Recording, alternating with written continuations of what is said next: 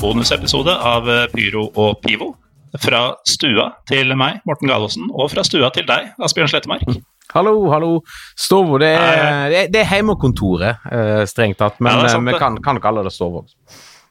En slags enorm hems like ved takterrassen der, der ting skulle foregått i helga som akkurat er over. Ja, der ting skulle ha skjedd, men ja. Det, alt, alt blir ikke sånn som en Alt blir ikke sånn som en planlegger eh, i eh, i 2020, som en har merka med så fryktelig mange andre ting de siste ukene. Ja, De siste ukene har jo vært helt uh, absurde, men jeg ser jo uh, på skjermen min at uh, det er noen ting som ikke endrer seg hos deg. Var det en japansk whisky du akkurat skjenka? Ja, det var helt riktig. Det var en Nikka Days. Um, en, um, en litt sånn mer sånn, sånn eh, hva skal jeg si, En litt sånn da, daglig drikkewhisky sammenlignet med den som jeg bydde deg på sist du var på besøk. Da tok, når jeg hadde besøk, da tok jeg fram den flotte Nikka-whiskyen. Ja, altså Kun det beste er godt nok for oss. Mm -hmm. uh, men den fikk kjørt seg, den flaska, mener jeg å huske. Ja, det ble, det ble sånn en fin jeg trodde- Nachspiel-Zeit-episode. Det var etter at du hadde vært og sett Var det Union Berlin mot Var det Bayer Leverkusen? Werder Bremen. Werder Bremen, var det, ja. Mm. Første gang jeg har sett Union tape live, ja det er og foreløpig eneste. Og det er vel omtrent den eneste gangen noen har sett Werder Bremen vinne i 2019-2020-sesongen. Ja. Så det, det fikk jeg med meg, da. Til eh, Niklas Wildhagens store glede. Mm. Eh, men eh, ja, vi kan jo starte litt med altså, Det er jo en grunn til at vi sitter hver for oss. og Du er jo vant til det fra Drita Upside, Mm. men eh, for meg er jo dette helt nytt. Men eh, samfunnet rundt oss, det er nytt også for deg.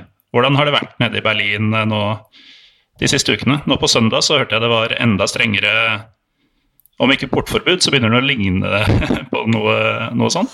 Uh, ja, um, det kom da helt på um, Altså, før- uka begynte, så kom det da en um, uh, Altså nye regler som tilsier enkelt og greit at hvis en skal være ute, så kan en ute i gatene, i offentligheten, så kan en kun treffe ett menneske som ikke bor i samme husholdning som deg.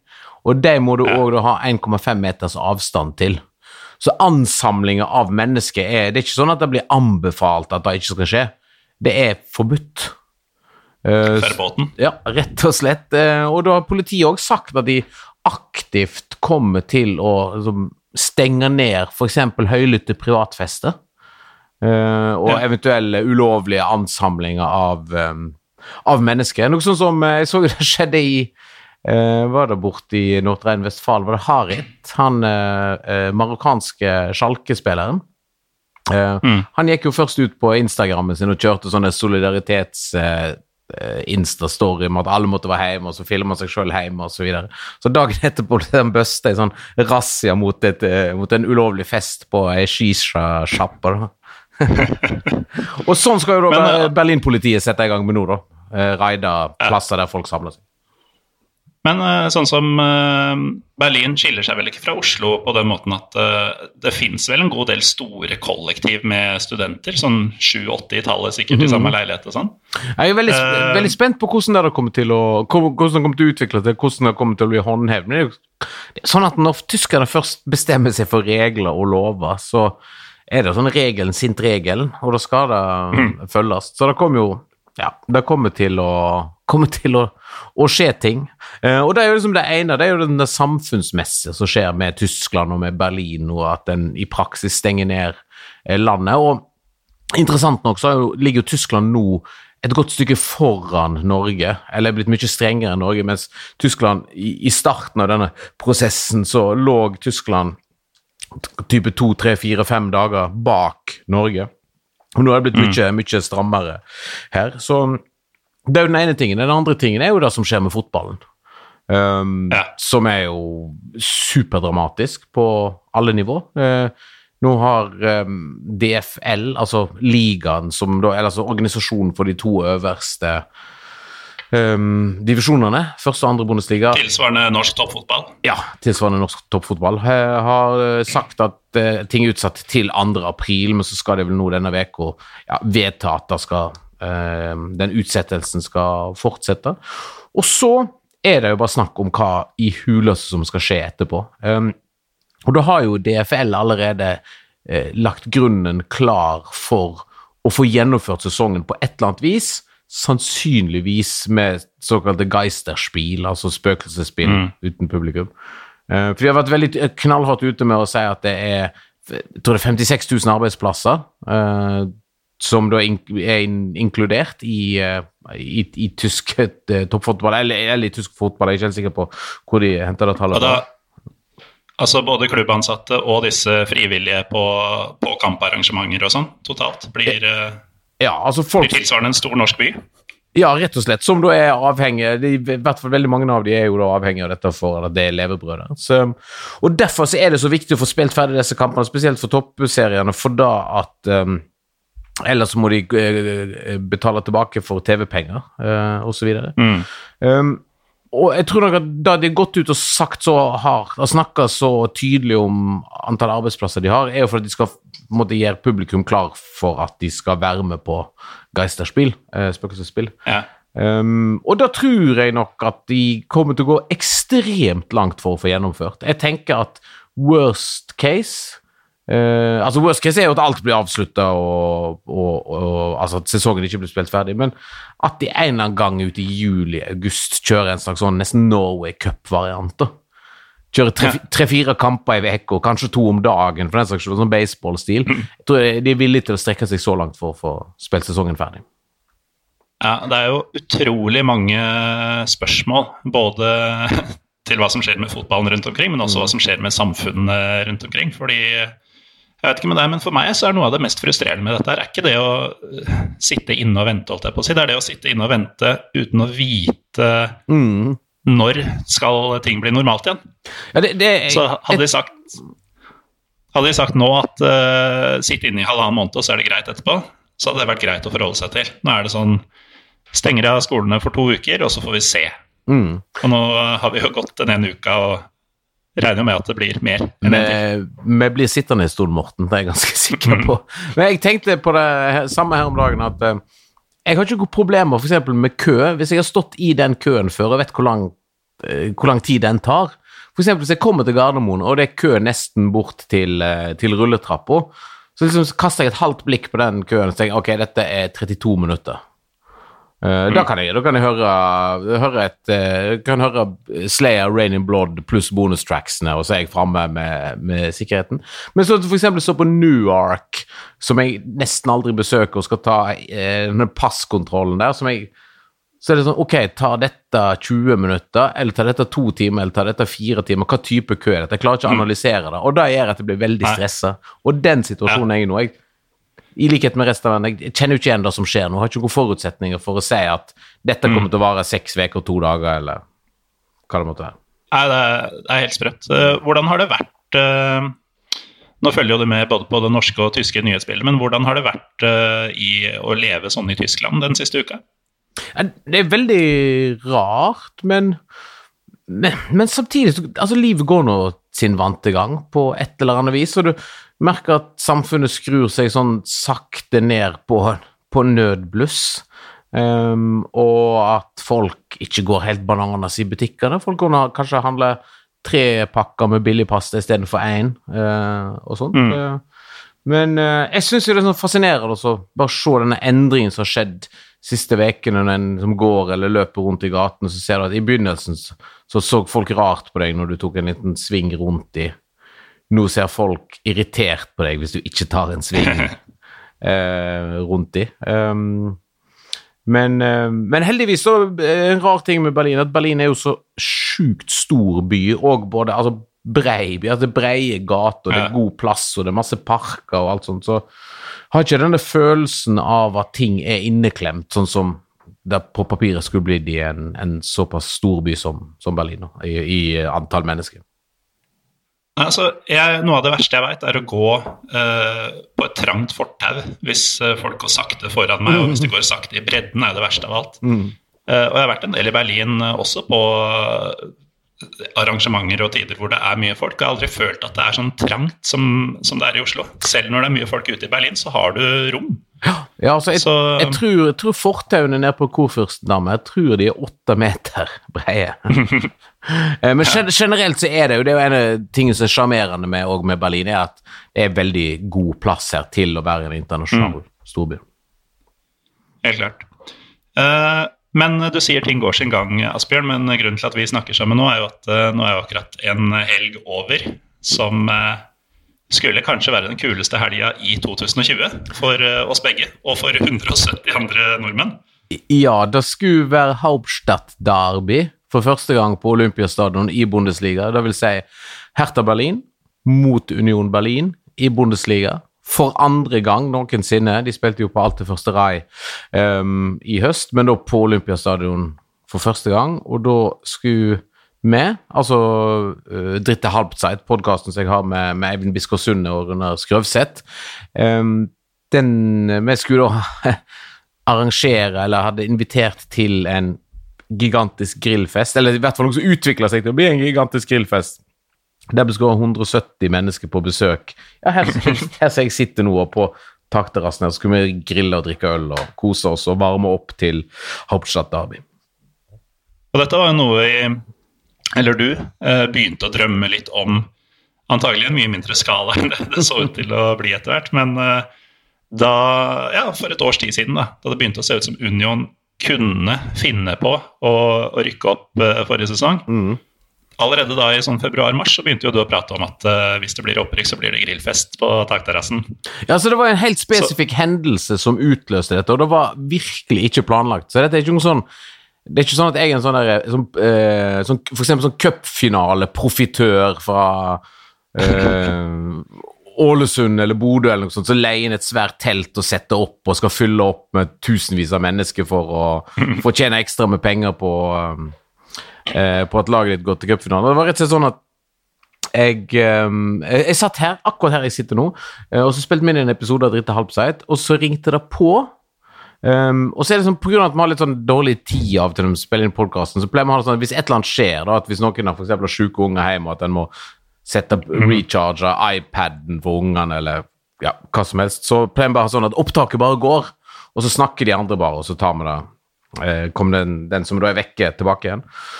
Og da var det Webermannen som kom på besøk. Jeg hadde bestilt en Weber-grill som jeg skulle ha på takterrassen, som har rett utenfor her. Um, og da sa jeg litt sånn eh, spøkefullt, men også selvfølgelig i alvor, at hvis Union Berlin rykker opp, så skal jeg arrangere grillfest på takterrassen her for lytterne våre, og alle er invitert. Eh, og når det da viser seg at eh, Union Berlin var i ferd med å rykke opp, når de klarte å rykke opp, så rant det inn med meldinger fra lyttere som hadde fått med seg dette og lurte på hvor de kunne melde seg på grillfesten, og hva, hva var adressa mi, og står utenfor med potetsalaten. Um, og så ble det jo da fest. Um, Ja, og så uh, vokste det veldig, veldig på seg, da. litt ukontrollert, uh, nesten. Ja. Uh, det var jo sånn I begynnelsen så var det jo eh, en åpen event på Facebook. Så, sånn som jeg kunne invitere alle mine venner og sånn. ja, det, så det var sånn Eh, det da var, fikk dere jo greit ja, altså det var åpent i, ja, det var åpent i den forstand at de som ble invitert, kunne invitere videre. Så, Ja, sånn så plutselig ble det veldig masse. Men til slutt så altså, Og dette, jeg måtte jo stenge ned sånn at ikke alle kunne invitere alle videre. Og så rett og slett for å ha ordentlig kontroll over på en måte, hvor masse folk som kanskje skulle komme. da. Jeg, jeg, satte først grensa på 120. Så så jeg litt sånn rundt det. Vi har jo altså, vi har en romslig og, og OK leilighet, så det er, sånn, OK, det er bra med plass her, og takterrassen er stor og sånn. Og så satte jeg grensa på 150, og så siste nå var vel 177. Um, da, eh, da, da ble det tikka inn på til, eh, til slutt, da. Ehm, så det, vi skulle ha klart det, men det hadde jo ikke Det hadde vært veldig eh, Det hadde vært veldig koronavennlig eh, tilstand her eh, hvis eh, 177 mennesker skulle være. Da skulle vi hatt planen var at vi skulle ha live-podkast og så grilling ute på takterrassen og ja, øl til alle og, og god stemning. Ja, jeg skulle servere øl og greier. Mm. Hadde, hadde vi snakka om. Men det var, veldig det var en veldig fint, uh, fin opplevelse sånn sett at det var jo null problem å be folk om hjelp, eksempel. Spør deg om du kunne um, servere litt øl, og André Enge og gjengen uh, tilbød seg å grille pølse og, og styre på. Og så sjefen til samboeren min hadde jo da veldig lyst til å ønske alle velkommen, for han er jo den norske ambassadøren til Tyskland. For samboeren min jobber jo der. Så alle, alle vil liksom være med og gjøre dette til en morofest. Jeg fikk så vanvittig med mailer og meldinger fra folk som da skulle komme og se kampen, og som skulle på, uh, på fest. Uh, og som bare sa på forhånd sånn Trenger du hjelp til noe? Trenger vi bære øl? Skal vi ta med noe? Bare, altså, Vi er nå her uansett, så bare si ifra. Så det er en sånn fin eh, Denne gjengen med nordmenn som reiser rundt og ser fotball ute, både de som gjør det ofte, og de som er litt sånn mer tilfeldige fotballturister, er virkelig en ordentlig sympatisk gjeng. Det er i hvert fall mitt inntrykk uten å ha møtt de alle 177 samtidig. da. Ja, men det var jo, altså Ordet dugnadsånd det er jo veldig i vinden for tida, og, og det var det jo eh, i forkant her. For det var jo, ting gikk jo sin gang. Vi fikk jo en dato etter hvert. Det skulle være i mars. Mm. eh, så man hadde god tid til å planlegge, men man visste også at eh, det er ikke sikkert det blir grillvær i midten av mars i Berlin. Eh, og så var det dette med billetter, da. Ja. Og der har jo folk virkelig stått på for hverandre. Der eh, vennegjenger har hatt en eh, som har meldt seg inn i, i Herta for å få billetter, og så har folk på denne eventen sagt at vi har bestilt fire, men vi er bare tre, så hvis noen trenger en, osv. Mm. Ja, da, Så har ting helt, har gått. gått har vært helt eh, aldeles nydelig. Og spesielt med billettgreiene. Jeg tror de aller fleste hadde ordnet seg billett. Dette er jo en, utgangspunktet en veldig vanskelig kamp å få tak i billett til. For da at du får ikke kjøpt Du fikk ikke kjøpt billett til Herta mot Union med mindre du var sesongkortholder eller Herta-medlem, eller en av de heldige som ble trukket ut i Union Berlin-lotteriet. Eh, Men der, som du sa, da meldte folk seg inn i, i, um, i Herta. Eh, og spleisa på, spleisa på et medlemskap, for du kunne få fire billetter per medlemskap. Og kjøpte og styrte på og fordelte. Jeg tror faktisk at de få som ikke hadde billetter, det tror jeg skulle ha klart å ordne, ordne billetter til på i løpet av de siste ukene. Men da ble det jo ikke noe av. mm. Nei, for det, det skulle jo ikke bli sånn. Nei. Og, eh, og, og, og man venta jo til det lengste med å, med å faktisk avlyse dette. Uh, og i de ukene som gikk fram til det begynte å ulme, Mhm. Så eh, forberedte jo du hjemmet på storinnrykk av både sultne og tørste folk. Mhm. Eh, det gikk en periode rykte om at du hadde tenkt å ha 600 øl i hus til Hauptstadt-derby. Hvor mye ble det til slutt? Altså, jeg, jeg endte opp med 15 kasser pils som jeg har nå stående på, på takterrassen. For det jeg gjorde, var at i, Det er faktisk ganske enkelt. fordi i, I Tyskland så er det, det er så gjennomført med sånn hjembestilling av matvarer. Men så er det sånn, sånn at du kan Mm. kun bestille eh, x antall kasser per bestilling. Så hver gang jeg la inn en bestilling hos den lokale Rema 1000 eller en kjede som heter Reve, så slang jeg med to eller tre kasser med Råthaus, den nydelige pilsneren som Freiburg har som stadionpilsner, blant annet. Så det, Som Runar Skrøvseth kom i skade for å si at var den beste stadionpilsen i Tyskland. Til tross for at han elsker Moritz Wiege og Bochum over nesten alt på jord. ja, han, eh, han har fått kjørt seg litt for den, men han står faktisk han står last og brast med, med det. Altså. Jeg er helt enig med han. Jeg synes det det er min, min klart foretrukne sånn default pilsen pilsner. Så det, det, altså, det plager ikke meg at jeg har sitter faktisk nå og ser på 15 kasser som står rett ut med grillen min. Um, nei, så da fylte jeg opp litt der, og så har jeg da heldigvis så Jeg bestilte ikke alle pølsene som skulle være da. Jeg, for da hadde jeg tenkt å regne 2,5 pølser per pers, som er sikkert ganske masse, men likevel bedre å ha litt for masse enn litt for lite, så da hadde det jo blitt ca. 400 pølser. Uh, det har jeg heldigvis ikke bestilt, men jeg har bestilt forskjellig utvalg, for jeg, jeg kjør, kjørte sånn bestilling med en pakke her av hver av de liksom beste bratwurstene fra da, den supermarkedskjeden. Så jeg har et sånn utvalg av alle pølser. Eh, men som kommer godt med nå når en eh, helst ikke bør handle så fryktelig ofte. På lørdag da dette egentlig skulle skjedd, så kjørte du en liten Geister-grillfest, så jeg på sosiale medier. Hvor du så ut til å ha rikelig med pølser på grillen til bare deg sjøl. og, og et par kasseroller i bakgrunnen. Ja, Koste du deg? Ja, det, da, ja, det var, det var mest av alt vemodig, men jeg måtte liksom gjennomføre. Da, jo alle myndigheter sier at en ikke kan samles så og så mange mennesker, og at kampen ikke ble noe av. Men så måtte jeg jo ta rett et, en, en spøkelseskamp. ta en spøkelsesgrill og stå alene, ta en, en sigg og en råtaus midt på dagen. Grille opp noen pølser, og så fikk jeg fôra familien lunsj òg samtidig, som var veldig eh, praktisk. Men det var òg da det, var, det, ble relativt kaldt den dagen, men det var helt sånn fantastisk fotballvær. Altså sånn der mm. klirrende blå himmel, et par skyer i horisonten og sånn deilig vårsol. Altså Det hadde vært helt perfekt å ha hatt eh, Hauptstadt Derby den lørdagen. Hvis vi skrur eh, sånn si halvannen måned tilbake i tid, eh, Asbjørn, mm. eh, hvor man fortsatt tenkte at kamp var sannsynlig, og forberedelsene gikk sin gang, hva slags forventninger hadde du til hele denne dagen?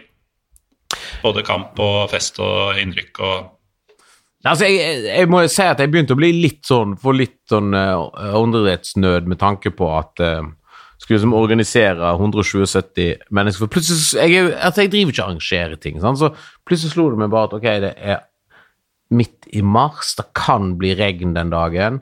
Kommer 177 mennesker som skal sette fra seg søleskoene sine. Hvor skal de skoene settes?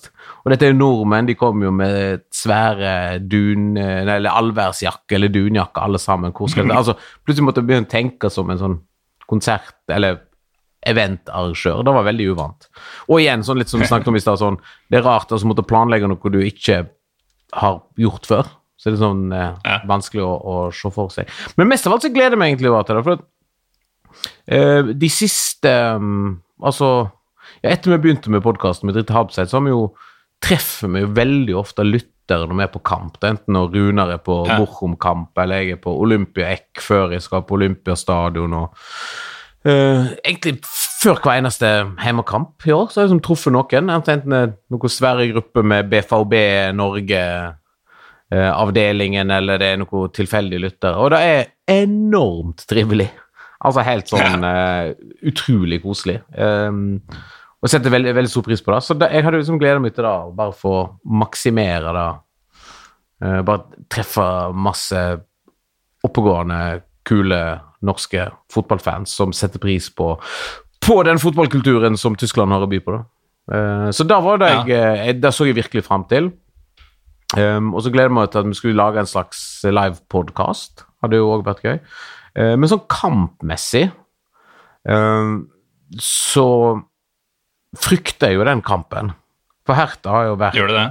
Ja, altså Hertha Berlin har jo i perioder vært en, en katastrofe på grønt gress eh, gjennom denne sesongen. Jeg har sett de spiller brukbar fotball i ny og ne, men så, sånn Stoler ikke ett sekund på at de, eh, at de kan eh, de, eh, reise seg opp og ta imot den utfordringen det er å få et Union Berlin som slo de i høst på, uh, på besøk. Men på den andre siden så er det sånn uforutsigbar at Altså, jeg, jeg tenker Jeg så ikke på den kampen som er rent sånn at den var forutbestemt at Hertha skulle tape der. Altså, det, det laget det har jo kvaliteter nok til at de skulle kunne um, finne på noe sprell da, mot, uh, mot Union. Mm. Nei, Det er jo to uh, uforutsigbare lag, og selv om Union har hatt en bedre sesong enn Herta, uh, som mm. jo er egentlig ganske sjokkerende hvis man ser på hva de hadde å rutte med begge lagene før sesongen, og at uh, det, det starta bra for Herta òg, med deg på tribunen i München, var ikke det åpningskampen? Jo, jeg så Herta Berlin Bayern München 2-2 um, i august, ja. 20, ja 17-18 Ja, i hvert fall i, i, august en gang. Det var jo åpningskampen. Første gang Bayern München ikke vant eh, åpningskampen på fem-seks år. Og på et tidspunkt der så så ropte jo, sang jo Hertha-fansen 'Spitzenreiter, Spitzenreiter'. Tabelleder, mhm. tabelleder. De leder 2-1 over Bayern München til, til pause. Det, så det begynte jo bra, men så gikk det jo veldig fort veldig dårlig. Ja. Og samtidig så var jo åpninga til eh, Union var jo 0-4 etter et kvarter eller noe sånt mot uh, Leipzig. Leipzig. Ja. så at, at, ting gikk som det gikk utover sesongen, var jo ganske overraskende med tanke på hvordan ting starta også. Mm. Men det, jo, det var ikke bare du som var nervøs for denne kampen, altså. Så på mange måter er det kanskje greit at den ikke ble spilt. Men det er, altså det, det er et veldig stort savn at ikke den At jeg ikke fikk sett den kampen. Ikke ble gjennomført. Jeg ikke fikk sett hva Mm. Olympiastadion kan by på av eh, eh, på en måte stemning og trøkk. For det, det er jo masse det er masse rart en kan si om Olympiastadion som fotballarena. Strengt tatt er det jo ikke en fotballarena, det er jo en, en friidrettsstadion uh, med litt gras i midten, langt der borte. En megaloman eh, friidrettsstadion. Ja, men uh, jeg syns jo, i motsetning til andre sånn um, løpebanestadioner, så har jo Olympiastadion noe helt spesielt, nettopp fordi den er så megaloman og stormannsgal og majestetisk på både godt og Mm. dårlig vis, at til de anledningene, til en sånn anledning, så tror jeg kunne fått noen ordentlig store gåsehudopplevelser fra både Union-fansen og Hertha-fansen. Det hadde vært noen sånn sinnssyke tifos, det er jeg helt sikker på. Ja, vi, vi har helt klart eh, gått glipp av noe her. Mm. Nå er det jo sånn, Enn så lenge så regnes jo kampen bare som utsatt, så man har jo fortsatt billetter til eh, om den en gang spilles. Men eh, Ja, om den en gang spilles, så blir det altså, jo den å- antagelig ikke noen billetter som Nei, den kommer til å bli spilt, men den kommer til å bli spilt uten publikum. Nå har jo han um, mm, han, eh, vikt, han viktigste fagpersonen ved siden av dette Robert Koch-instituttet, som er jo det fremste sånn helseforskningsinstituttet i Tyskland, han har jo sagt at han ikke ser for seg at det skal bli spilt fotball med publikum i Tyskland de neste tolv månedene. Nei, ikke sant. Så hvis, Og- hvis denne kampen blir spilt, så blir han spilt uten, um, uten oss til stede. da. Mm. Og enn så lenge er det jo ikke sannsynlig at det spilles fotball uten publikum heller. Så Nei, sant. Nei. det er, det er bare å sitte og klø seg, klø seg i ræva, tror jeg. Mhm. Men uh, de møttes jo i høst, lagene. Og da ble det jo ganske intenst uh, i, i skogen der, med masse balaklavaer og kasting av bluss og, og sånn. Mhm. Eh, så du for deg noe særlig kaos denne helga? Eh, Altså utenom grillfesten, da? Nei, det gjorde jeg egentlig ikke. Eh, Som jeg alltid pleier å si på podkasten, er at når politiet får planlagt brukbart, og de har liksom pekt seg ut eh, risikospill eller sånn problemkamper, så har de stort sett god kontroll på ting. Eh, og det gikk jo litt over alle støvleskaft i, på alt det første rai med, med første Herta-fans som skøyt raketter mot barna til Union-spillerne på tribunen, og, og Union-ultrasene som storma eh, stormer banen i balaklava og sånt. Men altså, jeg tror nok at politiet fremdeles hadde ganske god kontroll på, på ting som, som foregikk der. Men at det hadde blitt eh, en måte, intens og aggressiv stemning på Olympiastadion den lørdagen, det er jeg ganske sikker på. Ja. Um, men så er det jo sånn, det er jo òg en ting jeg har lagt merke til på Olympiastadion, er at eh, det, altså det der rakettene som Hertha-fansen nå skjøt, som de skjøt mot tribunen til eh, Union Berlin og Mm. sånn Det er jo flere lag som har prøvd seg på det på Olympiastadion, men de kommer ikke fram til De lander jo bare på løpebanen. Dynamo Dresden, for eksempel, kjørte jo massevis av raketter som gikk rett i taket og liksom ut der, men alt landa bare på løpebanen. og så kommer det en fyr bort og trakker på det, og så er det liksom slutt. Altså, du skal, du, du skal, du skal ha med deg ordentlig sånn um, bakke-til-luft-raketter for å kunne skyte over Olympiastadion og bort til motstander, eh, motstanderfans. da, altså. Eh, Du, du har vært i Warszawa for et år siden eller noe sånt, ikke sant? I høst, i Eh, høst, i høst var det. Ja, ja. Jeg, jeg var jo der for eh, en måneds tid siden, eh, som folk kan høre om i forrige episode av eh, Pyro Pio. Eh, og da er det jo sånn der, eh, som du sikkert fikk med deg, eh, inngangspartiet til gamlebyen har jo sånn der gammel slottsmur. Mm. Ja, sånn, Og sånn ja, sånn ordentlig by, byport og sånt, ja. Mm. Ja, sånn Barbikan, mente min venn Heine at eh, det het. Mm. Uh, men der har det jo vært vollgrav, og det er jo litt den effekten de løpebanene Ja. har på Olympiastadion. Ja, faktisk. Um, ja, det, er- det er fryktelig god plass der fra som, svingen mot, uh, mot banen. Og i tillegg så hadde jo politiet og klubben innført ganske masse ja, sånn forskjellige tiltak. Det ene var jo at det selvfølgelig, akkurat sånn som kampen på alt det første rai, så var jo den um, Så skulle det være alkoholfritt, selv om Nå må det jo nesten være når kampen skal være klokka halv sju òg. og så var det forbud mot uh, unionfarger på alle felt som ikke var bortebillettene. Og dette kom da til hvordan de skulle måtte, eh, overholde, det er ikke jeg sikker på, men eh, ja, i, i tillegg så, så tror jeg politiet ville hatt rimelig bra kontroll, men, men som sagt, det hadde vært høyt tenningsnivå. det hadde det. Mm. Uh, har du noen plan for hva du gjør med disse 15 kassene? Eller du skal jo hjem fra Berlin uh, til sommeren. Rekker du gjennom 15 kasser med Rothouse? Altså, jeg får se hva, hvor langt jeg kommer.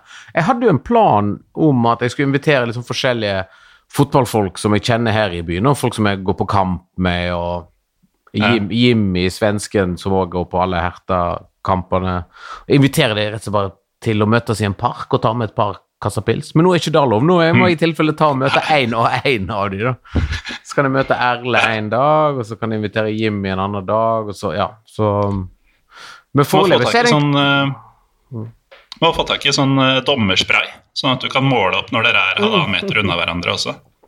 Kanskje det er da som blir den nye valutaen? Altså den der dommersprayen, ja. ja. Dasspapir og dommerspray. ja. ja. Nei, jeg får ta jeg, jeg skal egentlig bare liksom ta je, je, jevnt og trutt og prøve, prøve å ikke ta så mange skippertak, men bare jobbe meg gjennom. Um, bare si en ting eh, angående den um, Union Herta-kampen. Det Det må jo sies at um, altså det var jo eh, vanvittig drøy stemning. Aggressivt, høylytt. Um, og ja, raketter og alt mulig, og storming av banen og sånt. Um, og selv om en kanskje tenker at det er sånn, et sånn typisk ting som kanskje er i Tyskland, og ting sklir litt ut av kontroll og sånn, så får det jo konsekvenser. Um, og det fikk jo de konsekvensene at Herta fikk 190 000 euro i bot for sine fans' oppførsel. Union Det Berlin er bot, altså. ja, det er Altså, med, altså, med dagens eurokurs er det jo nesten 2,5 millioner kroner eh, for liksom For én kamp. Um, Union fikk 140 000 euro i bot. Da var det riktignok for tre forskjellige incidenter av bortefyring. For da får du sånn sikkerhetsbot per kamp der motstanderen Altså der bortefansen fyrer, da. Så det var 140 000 for, for tre, tre hendelser, da, inkludert eh, Herta- Herta-kampen. Ja. Og så er det jo det er jo fortsatt litt kontroverser eh, et halvt år etterpå eh, rundt utfallet av den kampen. Fordi VAR kan ikke redde fotballen sånn som enkelte hevder. Mm. Uh, Union med en straffe som de skåra på, og en kliss lik situasjon i andre, andre veien Mm. ble det ikke straffet på like etterpå. Ja, de de uh, så, så jeg husker du var ganske sint.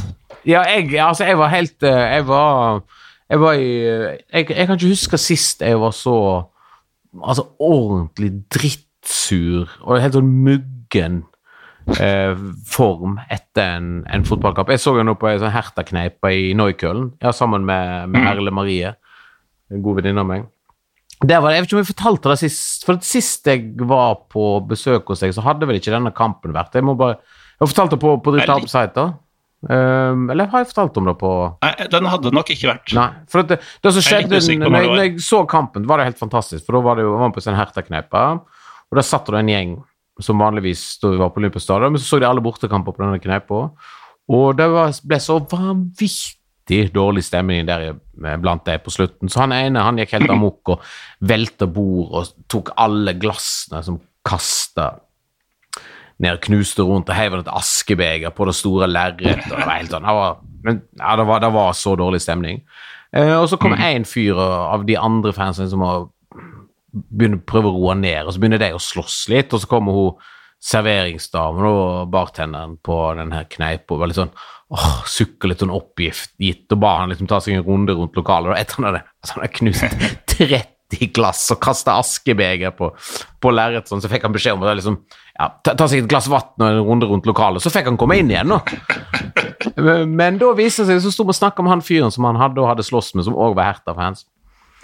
Og så begynte jeg å prate litt med han, så ja, liksom, ja, synd med han kompisen. Å nei, nei, ikke kompisen min, det er stefaren min. så var det familien som var ute på tur og skulle se kamp. Da. Og da, men da jeg, eh, jeg speiler nok humøret deres i, i ganske stor eh, grad. Mm. Ja, for du har jo en, eh, en offentlig persona, og også den Asbjørn som jeg har blitt kjent med etter hvert, er jo en ganske sånn blid, jovial og omgjengelig type. Men jeg husker på vår chattegruppe for tyske fotballentusiaster og sånn, at det var en muggen versjon av eh, Asbjørn. Jeg var veldig Jeg var, jeg var ordentlig, ordentlig sur. Men jeg er jeg er kort sur, da. Så det er det ikke sånn at det Mm. sitter ikke i Det sitter kanskje i en, en halvtimes tid til det har fått eh, til det har fått lagt seg. De driver og etterforsker den kampen fremdeles. De ga nettopp ut noen eh, Politiet eh, ga ut noen, to sånne sikkerhetskamerabilder fra Hertha-fansen, som to stykker som de etterlyste. Um, Så det, det som har skjedd, har liksom blitt sett ordentlig alvorlig på av politiet. for Visstnok, det ifølge journalister Jeg var ikke på kampen sjøl, for jeg fikk, vant jo ikke noe billett i, i lotteriet uh, for da sesongkontrollere. Men um, de har jo sagt etterpå uh, at journalister at det var da enkelte Herta-fans der, uh, som er da noen spesielle grupperinger, som har veldig sånn tett kontakt med Dynamo, BFC Dynamo, som Ja. hadde sikra 30 billetter til Dynamo-fans som hadde vært med og kledd seg opp i Hertha. En dårlig idé. Ja, fryktelig, fryktelig dårlig idé. Men det er en sånn Det er en sånn lite kontaktpunkt der mellom noen veldig, veldig eh, på en måte drøye ut på kanten Hertha-fans og Dynamo-fans og Magdeburg. Som òg har jo noen, eh, noen usunne elementer i, i fangrupperingene eh, nå. Eh, så vi- så visstnok så var det de 30 pluss de da utvalgte Hertha-fansen som hadde stått for mesteparten av dette som da var, var meint at skulle eskalere. Ja, planlagt eskalering. Ja, ja.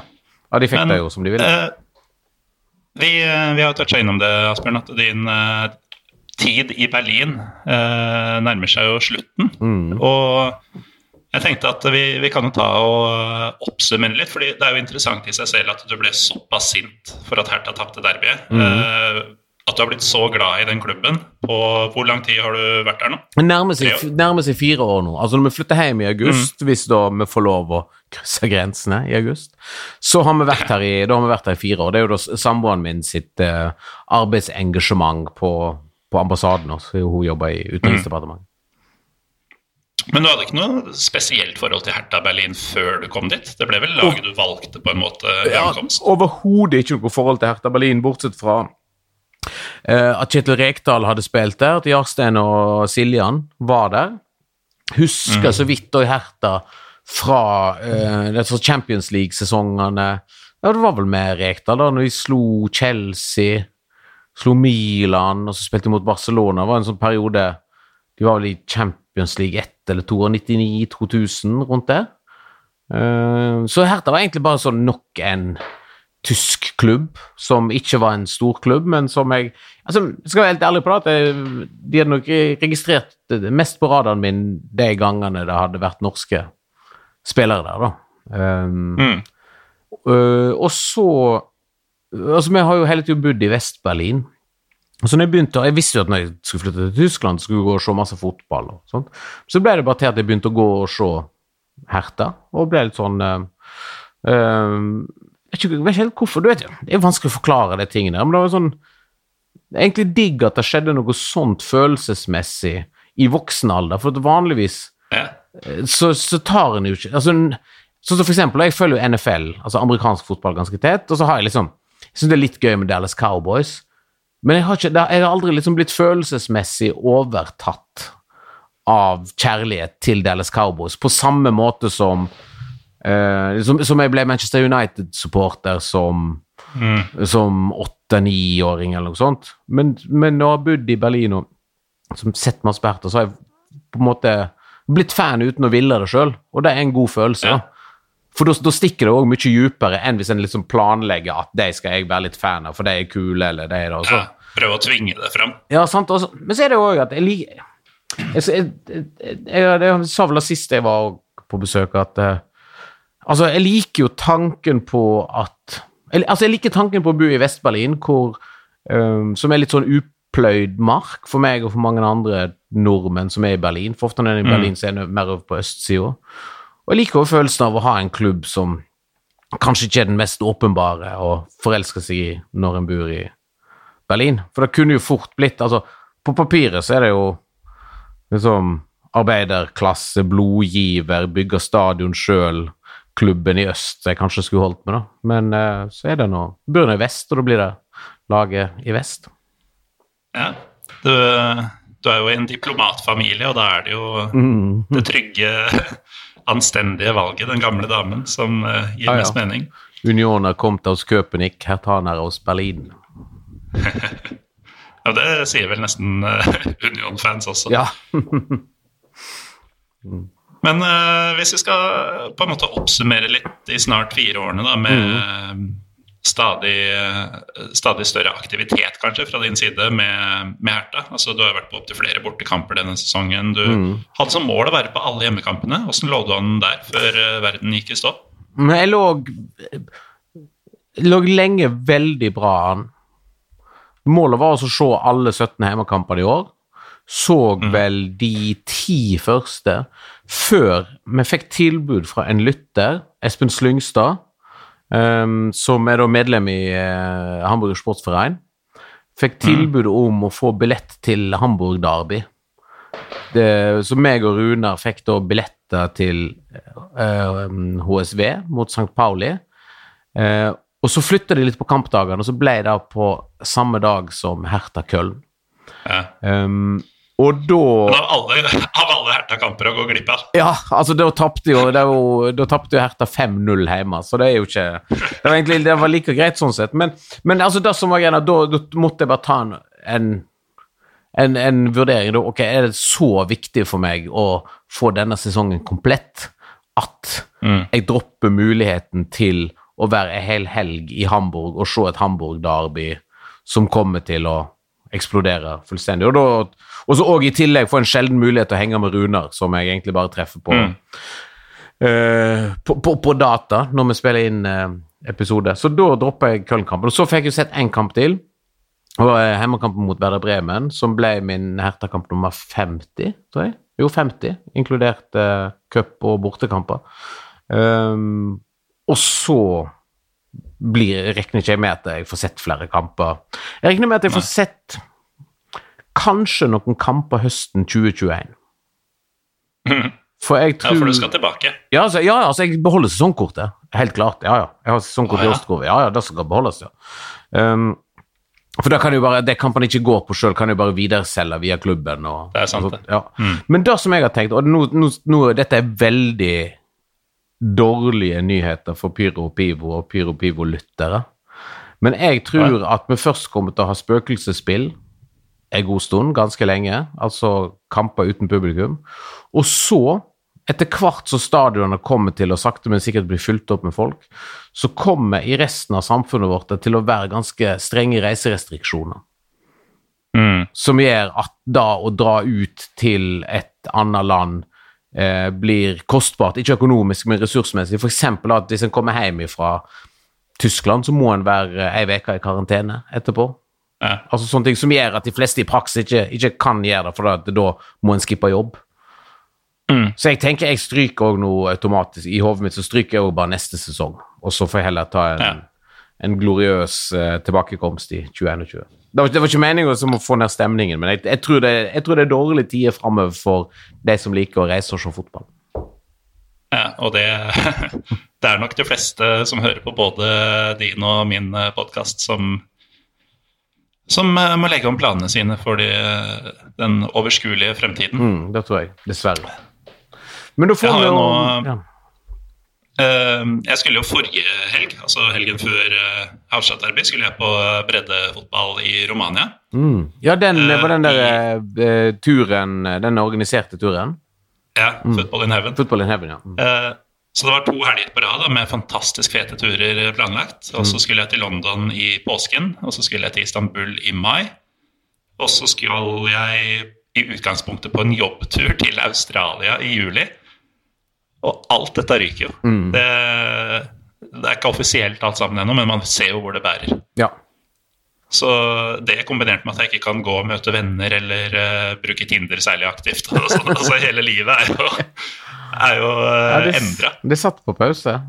Og for det, som mm. det som kommer til å skje nå, er at det er ikke sånn at en skrur på alle tiltakene, og så skrur en av igjen på en eller annen dato. Det er ikke sånn at på én dato så Altså Noen av de tingene kommer til å bli endret på. Snart sånn, så kommer jo for eksempel, sikkert sånn som i, i Finland at første til tredjeklassinger nå kan gå på skole igjen. Uh, altså sånne litt sånn At det kommer til å mjukne litt opp, og så innser en at ok, den delen av samfunnet må vi liksom åpne litt opp. Og liksom ta med risikoen der og sånne, og sånne ting, mens, mens andre ting vil bli beholdt. Jeg tror at reising er noe av det som kommer til å være strengt på. Så uh, verden er forandra, Morten. Den er det. Men uh, da passer det veldig bra å se litt tilbake, da, Asbjørn. Ja. Og eh, du har sikkert hatt både dype avgrunner og høye topper med, med Hertha i løpet av snart eh, fire år i, Mm. i Berlin. Og vi er jo en uh, fotballkulturpodkast, vi i Byrå Pivo, så det jeg lurer på, er um, I alle disse åra, um, hvilke supporterhendelser uh, er det som har bitt seg, bitt seg fast i, uh, i sinnet ditt?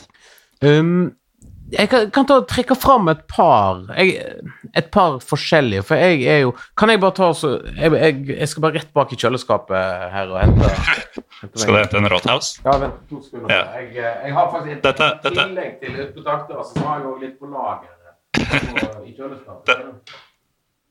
Dette er jo det Asbjørn snakka om i stad, at de har en fordel i uh, Dritte Halbseit hvor de kan gå fra én, og så har de fortsatt to der til å prate. Men uh, nå ble dette overlatt til seg selv. Sånn. Men der er Asbjørn tilbake. Det der Sånn. er ikke en Rothouse. Nei, dette er faktisk norsk. En Bessegg-øl fra Håndverksbryggeriet. Jeg har ikke peiling hvor den kom fra. så står i kjøleskapet vårt. da. De, de heter Håndverksbryggeriet. Nei, håndverksbryggeri? Nei, jeg vet ikke. Jeg er ikke så Må se. Spesialøl fra Nord-Gudbrandsdalen. Ja. Uh, brygger for Gjendesheim turisthytte og Bessheim fjellstue av Hubertus bryggeri. Mm. Dette er sånn som Lars Skau og de kan, eh, kan alt om. Ja. Uh, men jo Eh, Lars em, kommer til å atte deg på Twitter nå. uh, jo, skal man altså mm, Jeg eh, altså jeg er jo Når jeg står i Ostkurven, når jeg står og ser Herta, og når jeg står liksom uansett hva heime eh, jeg står på, så syns jeg alltid det er veldig gøy å se hvordan bortefansen eh, oppfører seg, og hva de finner på av sprell, og hvor masse trøkk de lager, og hvor masse lyd de lager. og da har jeg bare laget en liste. Jeg har faktisk fire hendelser um, som jeg tenkte jeg skulle dra fram av Ja. liksom ordentlig overbevisende eh, bortesupport eh, i Tyskland. Det er så mainstream å ha en topp tre eller topp fem, så jeg liker at du har fire. Jeg hadde egentlig en topp tre, men så kom jeg på en siste. Jeg kom på en siste her. Uh, så jeg bare måtte ha med òg, ja. Uh, men først også kom vi tilbake til april i fjor, uh, da vi var også Kickers Hoffenbar i regionalliga. Ta imot Walthoff Mannheim, eh, som da holdt på Var dette på den Hessen-turen eh, hvor uh, dere tre i drittet var samla for første gang? Det er helt riktig. Det var første kampen vi så uh, sammen. Uh, storlaget Kickers Offenbar, uh, cupmester, tysk cupmester fra 1970 eller 71, uh, som um, da har slitt langt ned i divisjonene, nå i, i fjerde divisjon, og møtte da erkerivalen Walthoff Mannheim, som kom 70 km unna fra, med 70 km politieskorte på 3700 mann. Eh, og altså, Vi så ikke snurten av det utenfor stadion. For at det- altså, Stadion var liksom delt på, på midten. Det var ikke med sånne der buffersoner mellom eh, inngangene. Men vi hørte de inne. Eh, det, var, det, var så, det var så høylytt og så koordinert og så fullt av energi og overskudd. Og ikke voldsomt med sånn Ikke enormt med pyro eller TIFO eller noe sånt, bare sånn 3700 mann kledd i blå, var det blått og svart, um, og som bare kjørte taktfast, um, opprykkssprutende sang i ja, mer enn 90 minutter, i hvert fall 120 minutter. ehm, både før og etter, for de ble selvfølgelig holdt litt igjen eh, etterpå og sto der lenge før. Eh, så det var, det var veldig stort. Og jeg tror Walter Mannheim er nok et lag som nå, før sesongen ble frosset, så lå det jo veldig bra an i, i tredjeliga til å rykke opp. Eh, det er et lag som sånn fanmessig kan måtte gi, gjøre noe fra seg. Um, gi lyd fra seg oppover i, i divisjonene òg. Så det var veldig kult. Og så vil jeg gjerne nevne ja, fra Hamburg-derbyet som jeg var på, eh, så var det veldig gøy eh, å se St. Pauli-fansen på bortebane, og der de hadde svingen der med um, brun-hvite flagg um, og en sånn logo Nei, TIFO med, med, logoen på, og etter hvert og Det som var mest imponert, var at de klarte å holde disiplin på blussene sine. Det var verken bluss på første målet der, som jeg trodde det skulle være, det var heller ikke bluss i begynnelsen av andre omgang, som òg er jo veldig vanlig. Men mm. blussene kom når, når, de blåste av kampen, når de hadde vunnet kampen. Og til og med det egentlig var klart at de hadde vunnet, så klarte de å holde igjen. Men som mm. også sånn taktfast, optimistisk eh, eh, Gledessupportere som virkelig um, gjorde, um, gjorde, noe ut av seg på, på, i Derby mot eh, Hamburger Sportsverein. Og så Har du noe estimat på hvor mange St. Pauli var der? Um, nei, men altså, hva er det stadion tar, da? Er det 60 000 den tar? Nå er jeg litt på tynn is her, kjenner jeg. Oppunder, tror jeg. Ja, fem, sånn 58 eller noe sånt. Ja, jeg tror 56-58. Men du, så er det jo enkelt, det er jo 10% da. For mm. det er jo da tys, Tyske ja. lag må gi bort 10% men de gir jo ikke nødvendigvis vi, vi, mer enn 10 Bortsett Men de var over 5000, da. Ja, da var de. Uh, ja da, så, altså, mm. så det var, det var um, De hadde bra med folk som kunne synge og sånt. Uh, men de som da fikk mer enn 10% da var jo den tredje kampen jeg skal nevne, som er Dynamo Dresden, borte mot Hertha Berlin i cupen mm -hmm. i oktober i fjor. Kom de 30 000 eller noe sånt? Eller 30, 30 000 pluss. Um, det var, var, det andre runde i cupen. Uh, en sein onsdag, og så var det vel fri dagen etterpå i, um, i Dynamo på grunn Nei, i Dresden. På grunn av sånn uh, eh, reformasjonsdag, eller noe sånt. I Tyskland kan en jo velge altså Delstatene velger egne fridager. Så mens da mm. selvfølgelig Dresden har da en religiøs dag, altså reformasjonsdagen som fridag. Den tilsvarende tror jeg for Berlin er 8. mars, kvinnedagen. Så er det sånn, ja religion, religion og tradisjon mot eh, eh, ny eh, liberal politikk. Eh, uansett, så de var jo der, og de lagde jo et vanvittig Det skapte et fantastisk lydnivå. Så var det jo helt så sinnssykt masse bluss gjennom mhm. hele eh, Jeg så seg hele den kampen. Så, første gang jeg så at det ikke blusser fra Dynamo Dresden sin halvdel av Olympiastadion etter 27 minutter. Det var første gang at det ikke var fyr i bortesvingen. Så ruller de ned Konstant blussing i 27 minutter? Ja, ja. Altså helt, eh, det var helt koko. Så var de jo da Eh, kjørte de ned, ruller de ut det her Yellow Madness-flaggene sine. Yellow på ene sida mm. av maratoninngangen, og så Madness på andre sida. Som, som var veldig interessant, for det var noen som påpekte på Twitter liksom, hvor, hvorfor det er engelsk navn, for det er, litt, det er ikke teit å ha en, engelsk navn. Men så viste jeg at jeg fant ut etterpå at Yellow Madness er jo navnet på den første ultragrupperingen Eh, til Lemi, han som var den legendariske capoen i Dynamo Dresden. Det er den boka jeg prøvde å lese fra da jeg hadde fått i meg nok whisky hos deg. Det er helt riktig. Du fikk litt sånn, du fikk litt sånn kjeft på Instagram etterpå hvorfor du leste sånn mot Dresden-litteratur òg, så jeg. Mm. Ja, man skal ikke gjøre det som unioner. Nei. um, men da Jo, greia var at um, de var så livredde i Jeg vet ikke om det var i Dresden eller om det var i tysk fotball. Jeg tror det var i Dresden. De var så livredde for um, eh, inspirasjon fra engelsk hooliganism eh, på 80- og 90-tallet. Så det var faktisk forbudt med mm. banner på engelsk i svingen. Til, ja, på stadion det var forbudt å ha engelske banner, for da, da tolka en automatisk som at det var altså, kultur som var inspirert av engelsk uh, hooliganisme. Og derfor, på ren trass, så starta de da Yellow Madness. eh, eh, altså tok de engelsk navn, da. Eh, så uansett, men da rulla de ut av banneret, og det var eh, enormt høylytt. Eh, og så på slutten så kjørte de den klassiske jenkalenken sin over hele stadionrekkene med der de synger 'Ost, Ost, Ost, Deutschland', og så mm. danser de jenkalenker fram og tilbake. Da, eh, og så i tillegg så var de liksom en ordentlig, ordentlig viktig altså støttespiller for det laget som var ute på banen, som lå nesten sist i Zweite Bundesliga og spilte mot bundesligist eh, Hertha Berlin og klarte nesten å, å vippe det i, i riktig retning. Men Dynamo, men Dynamo Dresden har jo, jeg har jo sett de hjemme òg. på, på stadion i Dresden. Også den der gule veggen der, den andre gule veggen, eh, er jo helt fantastisk. Og som, som bortesupporter så er de, de, er, de er så organiserte og så tydelige og så høylytte og så flinke til å smugle fyrverkeri at det, det er helt, eh, helt utrolig.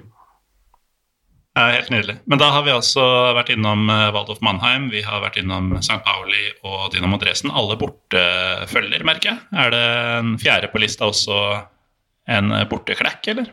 Mm, ja. Eh, ja, for nå, altså det jeg tenkte jeg skulle ta nå, var rett og slett Ja, for som Mannheim Ja, faktisk, alle er, alle er borte. Jeg kunne nok, kunne nok nevnt en del um, altså, Ja, altså, nå, nå, men nå har jeg egentlig bare tatt mest. Altså uh, for ofte når jeg er på besøk og ser kamper, så er jeg jo ofte da i heimesvingen. For det er der man får tak i mm. billetter og sånt. Men um, den siste er òg uh, bortefølge, og da er uh, Borussia Mönchengladbach hos Union Berlin. Det var en, en, stor dag for deg, har jeg skjønt. Ja, det var, ja, det var Altså, å, å, se Union Berlin hjemme er jo alltid en opplevelse, uansett om det er mm. sånn som i fjor, når jeg så dem mot Sandhausen. Og sett de mot Bochum, og sett de eh, spille Jeg så vel Köln-kampen òg, tror jeg, i fjor. Jeg vet, for, forrige sesong? Ja, forrige sesong, ja. Eh, men det, jeg har i hvert fall sett de fire ganger til sammen. Den fjerde gangen var mot Borussia Mönchengladbach, som var jo stort blant annet fordi at Union Berlin tok skalpen til Borussia Mönchengladbach, som på det tidspunktet var tabelleder. Men det showet som Gladbach-fansen leverte fra bortesvingen der, det var helt eh, Det var absolutt toppnivå, da.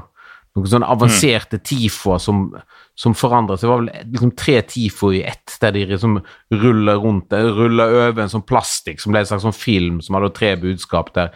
Det ene var vel altså ikke 1900, som er stiftelsesåret til Gladbach. Jeg tror det. Uh, og så var det en med var bilder av noe uh, folk på. Og så var det selvfølgelig Akab. Uh, for Gladbach-fansen har jo sånn lang, rullerende konflikt med politi, enten det er i Roma, eller det er i Berlin, eller det er hjemme i, i, i Mönchengladbach. Um, så det var kult. Og så, så tåkela de jo hele skogen med svart røyk som er jo deres egne klubbfarge òg. Og ja, var, var høylytte, godt koordinert og eh, fikk Altså, det var en sånn, sånn dag der jeg fikk gåsehud både av hjemmesupporten og bortesupporten. Og sånn sammen, og på det som tette alt det første rei, så var det var så, så, nærme jeg tror jeg kom en liksom, ultimat fotballopplevelse i, i Tyskland.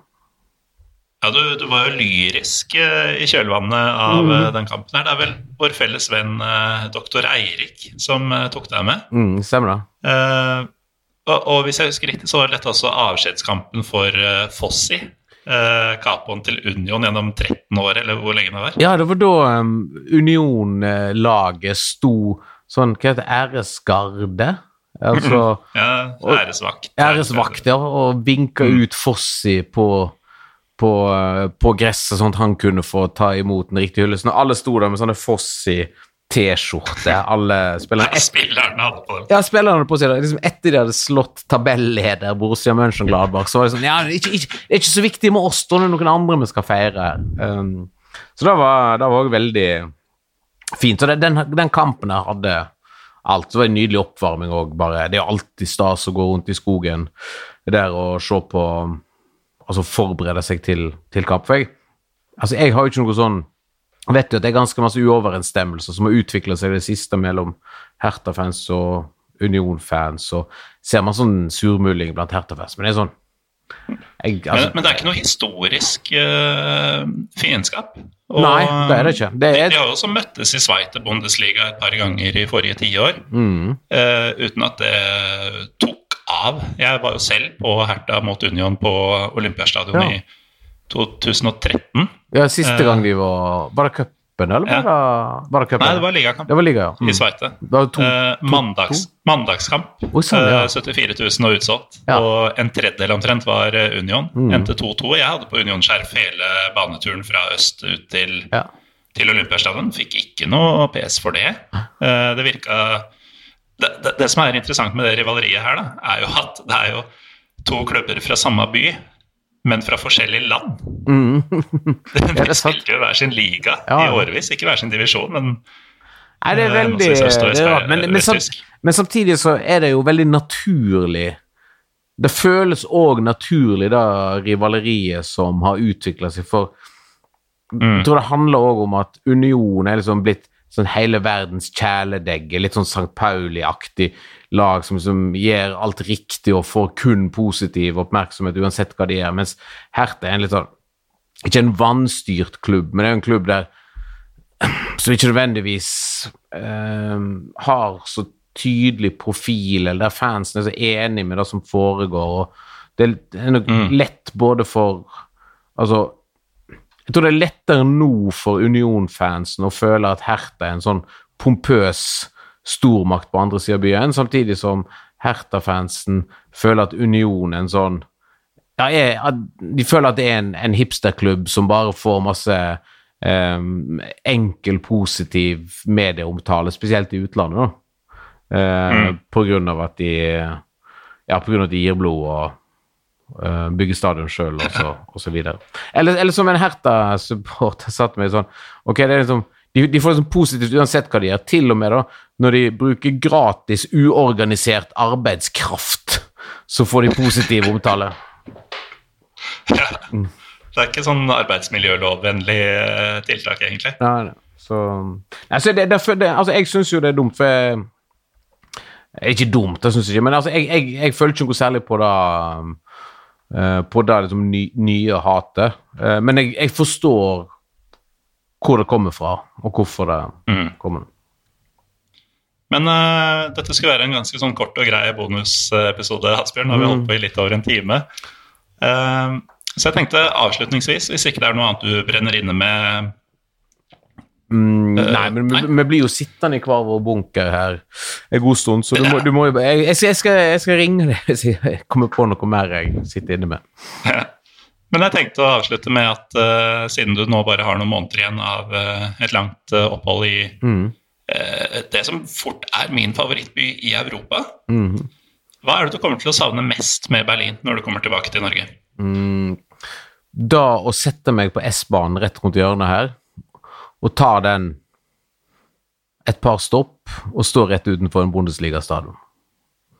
Og det sier jeg ikke bare fordi dette er en fotballpod, men det er jo den Altså, veldig masse av andre, de andre tingene jeg får i Berlin, kan på et eller annet vis kompenseres for hjemme i, eh, i Norge. Men da Mm. å kunne se liksom, topp tysk fotball, eller altså tysk, all tysk fotball for den saks skyld, men spesielt å kunne se Bundesliga på, på kort varsel, da Mm. det er ikke så lett å kompensere for i, i Oslo.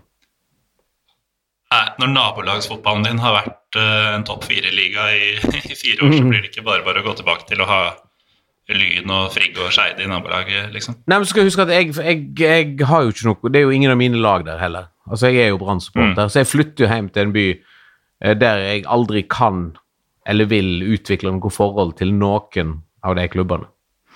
Nei. Så da, da kommer jeg til å savne. Og så kommer jeg til å savne Ryam gemysekebab, som er den hemmelige ehm, Den hemmelige det hemmelige alternativet til Mustafas gemysekebab.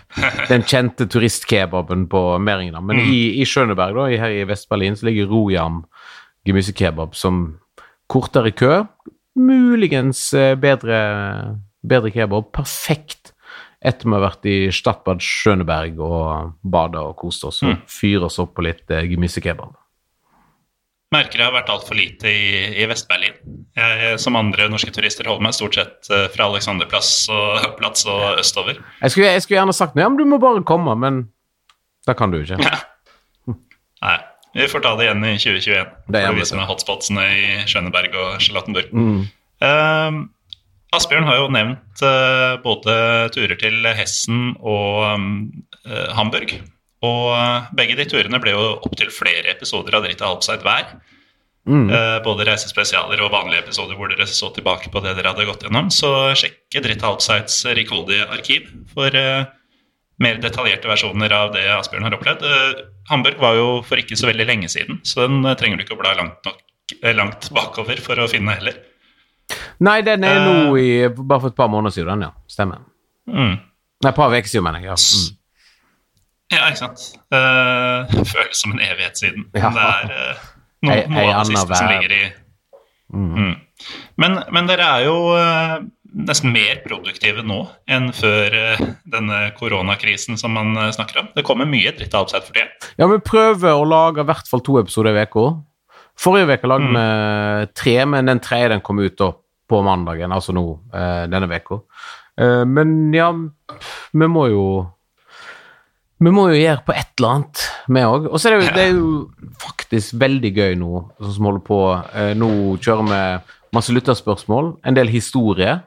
Mm. Og bruker det òg litt sånn som kompetanseheving, da. Um, gå gjennom klubbhistorie til klubber som vi egentlig aldri får tid til til vanlig, for da at vi er opptatt med alt som skjer i Bundesliga og Tveite osv. Så, mm. så det er veldig sånn sett en positiv effekt av, eh, av det som skjer nå.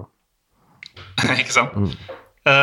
For Pyro Pivos del så er vi nå i en sånn prøvefase som du egentlig er første forsøkskaninen på, Asbjørn, hvor uh, jeg sjekker hvor hvor ok det blir å lage episoder hjemmefra. Mm. Så om det kommer eh, null eller én eller tre episoder i uka framover, det får man vente og se. Men vi har en god del planer, da. Og jeg tenker at når jeg først sitter her hjemme og ser folk på skjerm, så kan man like gjerne prate med folk som ikke nødvendigvis bor i Oslo, som er det jeg ville dratt inn i studio til vanlig. Mm. Så um, vi går uh, mørke, men spennende tider i møte. Enig. Da sier jeg dankesjøen eh, for uh, godt initiativ til en grillfest som aldri ble noe av uh, Asbjørn Slettemark. Og lykke til med de stadig strengere tiltakene på, på din side. Jo, takk, og lykke, lykke til uh, Lykke til sjøl. Um, det, blir, det, blir, vel det samme i Oslo snart òg, tenker jeg. Ja, det, det går ikke i riktig retning, i hvert fall med det første. Det blir verre før det blir bedre.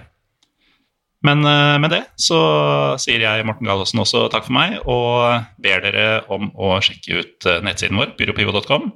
Følg oss på Instagram og Twitter, hvor vi heter PyroPivopod, og like oss på Facebook, hvor vi heter Pyro og Pivo. Gjør akkurat det samme med Dritt Alpseit. Bortsett fra at uh, dere har kanskje ikke en egen nettside, dere, Asbjørn? Nei, vi har ikke det.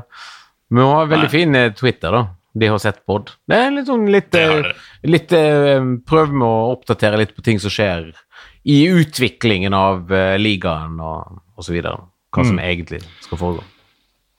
Og så har dere oppretta et sted hvor uh, folk kan gi dere penger. ja, vi har, uh, Det var faktisk før, før alt dette her skjedde. Eh, med koronavirus og sånt, så har vi sånn uh, Patrion, som er sånn crowdfunding. Patrion.com. Um, hvor folk kan abonnere på litt ekstra ting fra oss, men eventuelt òg bare være, være støttemedlemmer. Um, og det har egentlig funka veldig funker veldig fint. En um, mm. Uh, har jeg en bokklubb, bok- og filmklubb, en gang i uka. Anbefaler bøker om, uh, om tysk fotball. Så nå Faktisk, jeg faktisk... Og dem har du lest en del av? Ja, altså jeg, jeg kjører på får veldig masse tips fra den personen som kan mest om tysk fotball i Norge, sannsynligvis. Niklas Wildhagen. Wildhagen heter han på norsk. Som har lest mer bøker om fotball enn hva jeg kommer til å gjøre i hele mitt liv. Men så han tipser meg, og så tipser jeg videre. Han uh, er jo en kjernekar. Jeg har aldri møtt han uh, personlig, men Eh, på Twitter eh, forrige uke så ramla det inn i innboksen min at eh, han har en mikrofon liggende. For jeg hadde lagt ut et innlegg på pyropio.com om at jeg var litt usikker på den umiddelbare framtida til podkasten. Og det skulle ikke stå på utstyret. Den Nei. kunne han sende til meg hvis, hvis jeg ville. Ah. Så følg, følg Niklas Wilhagen, Norwegian Musings, på Twitter. Nor Musings, sant? Eller Norwegian Musings? Ja. Jo, at Nor Musings er det vel. Mm. Mm. Og hvis du, lurer på Eh, noe, Bremen. hvis du lurer på noe om Werder Bremen, så må du bare spørre. Ja, eller hva som helst i tysk fotball, Ja. har jeg inntrykk av. Eh, Da sier jeg takk eh, igjen, Asbjørn, for at du var med meg denne aftenen. Og så får vi bare ha lykke til, begge to. Ja. og alle dere som hører på også, for så vidt. Det blir tøffe tider framover. Ha det bra. Ha det bra.